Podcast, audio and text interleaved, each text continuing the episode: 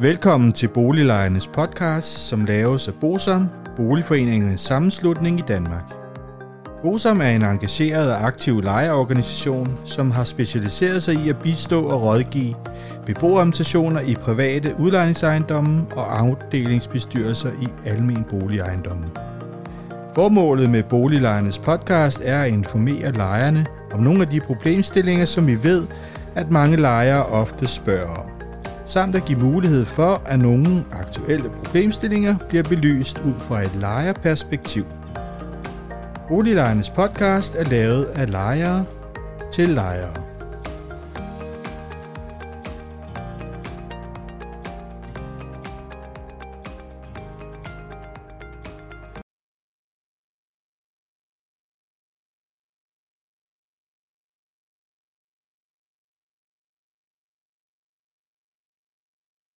Velkommen til Boliglejernes podcast. Mit navn er René Sur, og jeg arbejder i Bosom. I dag skal vi have anden del i serien Slaget om Møllnerparken, og det skal handle om aktørerne, der er i Møllnerparken. Og det vil sige, at vi skal beskæftige os med, hvad er Møllnerparken for en bebyggelse?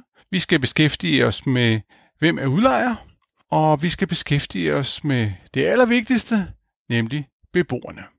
Hvis vi starter med, med Møllerparken, så kan vi jo læse, at Møllerparken er et større almindeligt by, boligbyggeri, og det ligger på Nørrebro. Møllerparken administreres af Bovita, og der er for øjeblikket 560 boliger. Og der er 18 torumsboliger, og det er et seniorbofællesskab, som vi kommer tilbage til.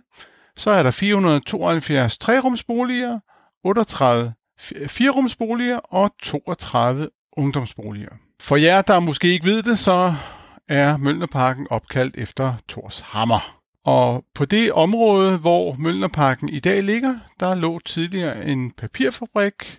Opførelsen af Møllnerparken, den påbegyndtes i 1984, og de første beboere kunne flytte ind i 1987.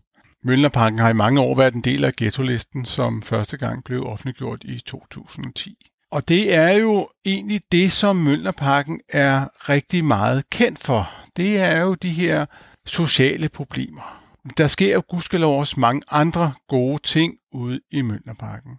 Blandt andet har man jo i mange år lavet alle mulige tiltag for at forbedre forholdene for lejerne ude i Mølnerparken, og der er der sket en, en masse rigtig gode ting. Det, som vi vil beskæftiger os med, det er jo, at man for syv år siden, det vil sige 2015, der vedtog man en fysisk helhedsplan for Mølnerparken. Der gik det ud på, at man vil renovere lejlighederne. Det vil sige, at lejlighederne får et nyt køkken, bad, der kommer en ny ventilation og nye vinduer. Derudover så vil nogle af lejlighederne forsvinde ned i stueetagen for at give plads til erhverv og derudover så vil man også lave nogle flere større familieboliger. Derudover vil man lave nogle fysiske forandringer, der skulle være med til at skabe større tryghed i området. I dag er det for eksempel sådan, at trappeopgangene de vender ind mod de fire gårde, der er, og nu vil man så i stedet for lave indgangsdørene ud mod gaderummet. Og så endelig, så skal man også koble den her handelsgade sammen med Mimersparken, og så vil man føre en ny cykelrute gennem boligområdet, og det er også noget, vi kommer til at vende tilbage til. Hvis vi skal se på, hvem der ejer eller administrerer Møllerparken, så er det Bovita. Bovita udlejer 5.500 almene boliger i ca. 60 boligafdelinger, der ligger i hovedstadsområdet. Bovita var tidligere Lejerbo København, og Lejerbo blev stiftet i 1951. Bovita for 4-5 år siden, de skilte sig ud fra Lejerbo og gik med i det samarbejde, der hedder Bovest. Derudover skal vi have med, at formanden for Bovita hedder Jan Hyttel, og han er også en gennemgående figur i denne her serie. Hvis vi skal så se på det, som det hele drejer sig om, det er jo trods alt lejerne. I lejerne er der jo en afdelingsbestyrelse, som i de fleste andre almene boliger, og det er jo beboerne, som vælger afdelingsbestyrelsen. Afdelingsbestyrelsens formand hedder Mohammed Aslam, og næstformanden hedder Janni Milsted. Afdelingsbestyrelsen er jo dem, som forhandler med Bovita om lejernes forhold.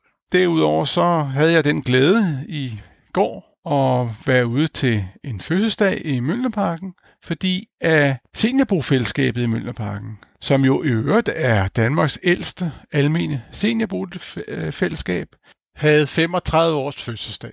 Og der er Janne Milsted øvrigt formand. Det var hende, der var næstformand i afdelingsbestyrelsen. De er jo utrolig bange for at blive nedlagt på grund af ghettoparken.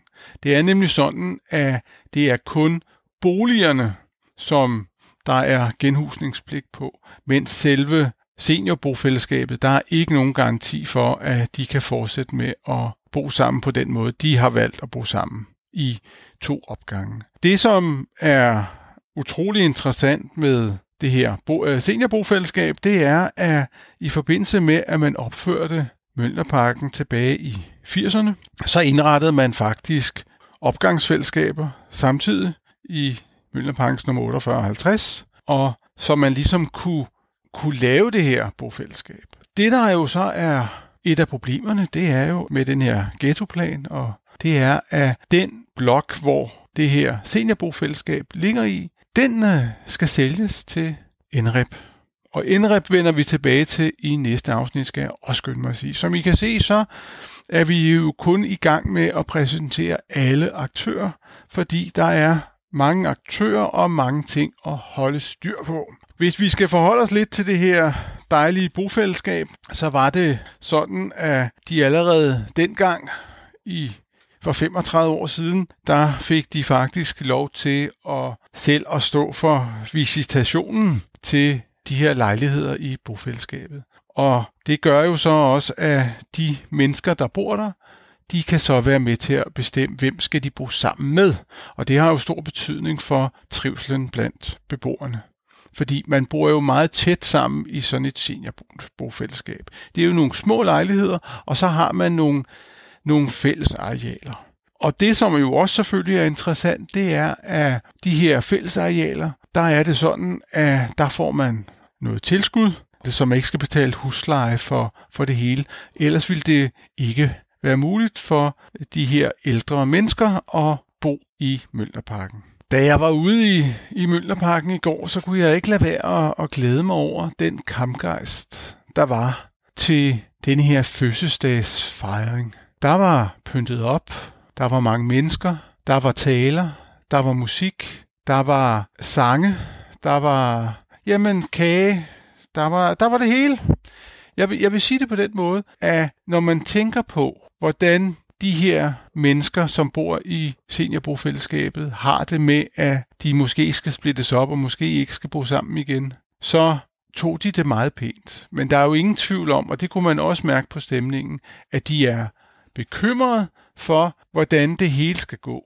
Og de forholdt sig selvfølgelig også meget til, at det er en fuldstændig urimelig situation, at de er kommet til at stå i på grund af en ghettopakke og nogle politikere, som bare vil sælge nogle boliger og på den måde rive dem op ved rode. Man skal jo huske på, at det er jo ikke nogen øh, af vores helt unge medborgere, som bor i det her seniorbofællesskab. Jeg tror, der er mange af dem, der havde regnet med, at de skulle bo der, indtil de ikke skulle være her mere. Men lige pludselig, så kommer politikerne og siger, jamen kære beboere, I skal finde et andet sted, I skal ikke bo sammen på den måde, som I egentlig havde regnet med. Og det er jo lidt af et overgreb mod de her mennesker.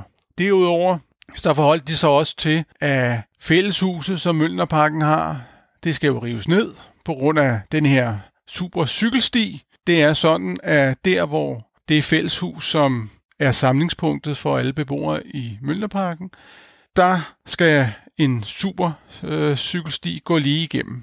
Det er sådan, at på tegningen kan man se, at hvis man flyttede cykelstien et par meter, så vil det være muligt at bevare det her fælleshus. Men det ønsker hverken Bovita eller Københavns Kommune, desværre. I det her fælleshus, der må vi også sige, jamen, der går seniorbofællesskabet for dem til gymnastik, Der holder afdelingsbestyrelsen afdelingsmøder. Der er mulighed for at lege sig ind og holde sine bryllupper, og vi nærmer os jo den tid, hvor studenterne får hugen på her i slutningen af juni måned. Og der er det sådan en tradition i Møllerparken, at der holdes en, en øh, fest i fælleshuset, hvor at man fejrer de studenter, som bor i Møllerparken. Og det har været en fast tradition i mange år. Og det kan man desværre ikke mere, og på den måde er det jo med til at, at nedbryde fællesskabet i Møllerparken, hvilket er en meget kedelig ting. Hvis vi skal se på, hvad der kommer til at ske næste gang. Næste gang, der skal vi se på selskabet NREP, og grund til, at vi skal se på NREP, det er fordi, at NREP, det er jo det er selskab, det er en kapitalfond, der har købt to blokke i Møllerparken, 260 lege, legemål, og der synes jeg, der er det jo altid meget rart at se på, hvem er køber. Og der er der nogle sjove ting, som, som I nok ved, så var det jo også dem, der er i gang med noget fornyelse ude i Tingbjerg. Og der er nogle interessante historier, som jeg synes, vi lige skal vinde. Derudover så kan jeg kun opfordre jer til at dele den her podcast. Jeg kan opfordre jer til at være en del af vores Facebook-gruppe, Boliglejens Podcast. Og, og hvis I har lyst til det, så er I selvfølgelig også velkommen til at like og anmelde podcasten. Og som I ved, så betyder det jo, at vi nemmere kan komme ud til rigtig mange lyttere. Og så skal I selvfølgelig bare dele den og omtale den med, til jeres venner osv., fordi det er vigtigt, at det kommer ud til så mange mennesker som muligt. Indtil vi ses næste gang, så må I have det rigtig godt. Hej hej. Hvis du synes om Boliglejernes podcast, vil vi blive rigtig glade, hvis du deler episoden med dine venner, og måske giver os en anmeldelse og nogle stjerner i iTunes, så vi derved kan komme ud til mange flere lyttere. Oplysningerne i denne podcast er udtryk for vores opfattelse af retsstillingen på nuværende tidspunkt. Men husk, at retsstillingen kan have ændret sig, når du hører denne podcast, da der kan være kommet ny lovgivning eller praksis på området. Den videre er vigtigt at være opmærksom på, at gennemgangen i denne podcast alene har været overordnet for at give et overblik og derfor ikke kan regnes for en udtømmende gennemgang af emnet.